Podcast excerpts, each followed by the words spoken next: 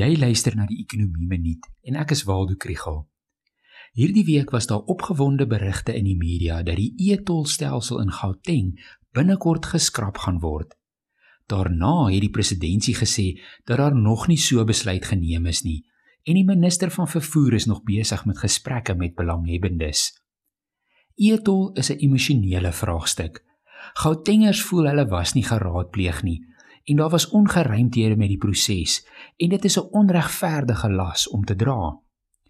Die etol vraagstuk het eintlik die fokuspunt geword van 'n soort belastingboikot en van mense se ongelukkigheid oor wanbesteding, korrupsie en gebrekkige dienslewering.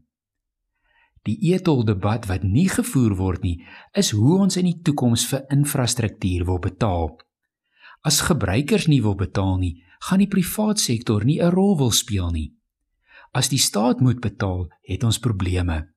Die staatskas is leeg en die skuldlas is hoog.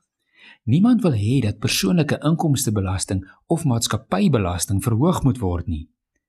Hoe is dit in elk geval regverdig dat alle belastingbetalers moet bydra vir Gauteng se snelweë?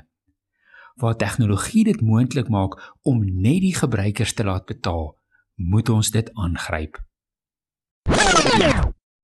As jy meer van die ekonomie wil leer, volg die ekonomie blok.